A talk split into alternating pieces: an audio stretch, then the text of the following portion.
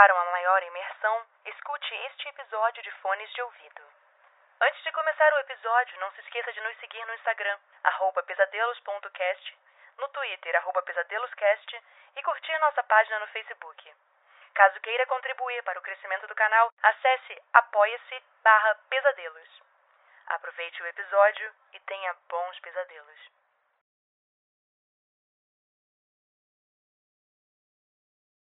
O Futuro Prólogo por William Camargo Na guerra da Ucrânia, a Rússia voltou a subir o tom e fazer ameaças de uso de armas nucleares. A Rússia lançou um grande bombardeio contra a Ucrânia. Dez mísseis atingiram os alvos e danificaram a rede elétrica do país. Houve cortes de energia em várias regiões. O governo ucraniano afirmou que um dos mísseis sobrevoou o espaço aéreo da Romênia, que faz parte da OTAN. O país nega. Menos de uma semana de guerra contra a Ucrânia, o presidente russo Vladimir Putin emitiu uma ordem para que seu comando militar coloque as forças nucleares em estado de alerta especial. A Rússia intensificou os ataques aéreos em diferentes partes da Ucrânia. Na capital Kiev, a Força Aérea Ucraniana conseguiu interceptar 10 mísseis, de acordo com o prefeito. Fragmentos de um deles atingiram carros e uma casa.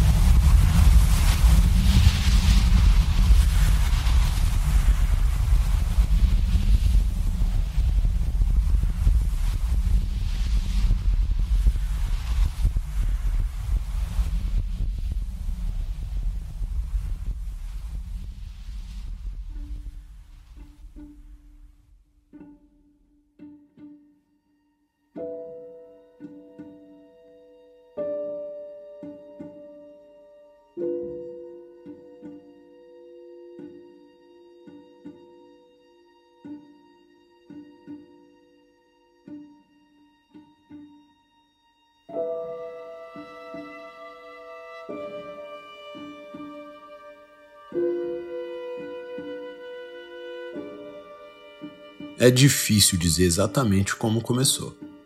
Mas o que de fato desencadeou tudo foi a guerra. Um ataque nuclear de dimensões continentais destruiu boa parte do Oriente Médio, Europa e África. A Rússia explodiu boa parte do mundo que conhecemos. 3 bilhões de vidas foram destruídas.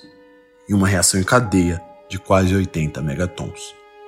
A maior bomba já construída pelo homem. O mundo começou do zero a China e os Estados Unidos da América quebraram. O dinheiro que antes era gerado pelos governos ruiu.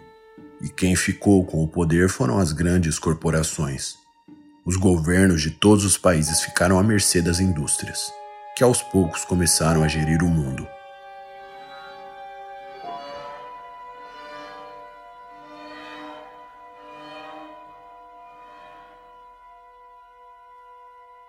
Tudo se resume a poder aquisitivo e a distância social entre as classes ficou ainda maior. Toda a infraestrutura é comandada pelas indústrias, desde a segurança até a saúde. Tudo ficou na mão das corporações. Se você não tem dinheiro, você não tem segurança, você não tem saúde e nem educação. As tecnologias avançaram, a ética dos estudos agora é controlada pelas corporações, e as edições do genoma humano avançaram a níveis nunca antes vistos armas e tecnologias de guerra ficaram ainda mais mortais. Os países não entram mais em guerras, em contrapartida, a guerra se tornou monetária. Mas eu não estou aqui para contar sobre o mundo que eu vivo. Eu sou um investigador particular, o melhor deles, na verdade. E mesmo nesse caos que nosso mundo se tornou, tem algo que me preocupa ainda mais.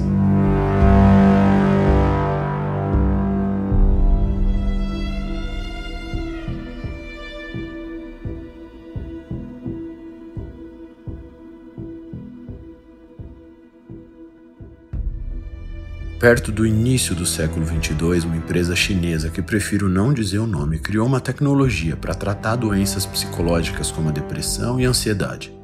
A tecnologia era incrível. Tratava-se de um dispositivo neural criado para simular uma realidade. E não, não é um VR nem um videogame. Trata-se de um dispositivo que simula até os hormônios liberados em determinadas situações. As pessoas entravam em uma câmara parecida com um aparelho de ressonância magnética, eletrodos eram ligados ao seu cérebro e pronto.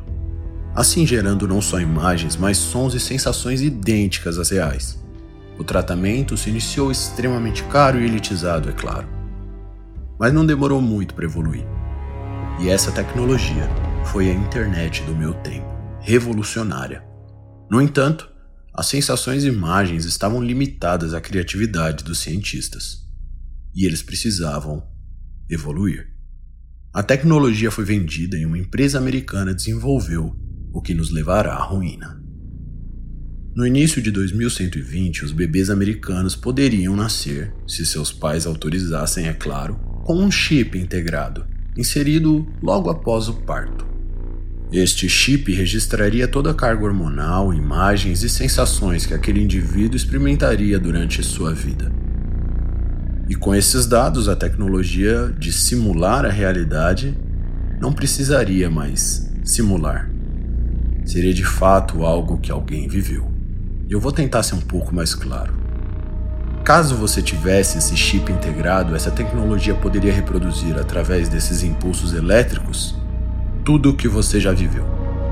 Tudo mesmo. Seu primeiro beijo, seu maior medo, seus sonhos, pesadelos e até mesmo o momento da sua morte. E como toda tecnologia, isso foi parar no mercado. Pessoas compravam chips de cadáveres para terem experiências passadas. E o mercado evoluiu. Agora estamos em 2184. O mundo vive ou sonha com algo que será o fim da nossa espécie.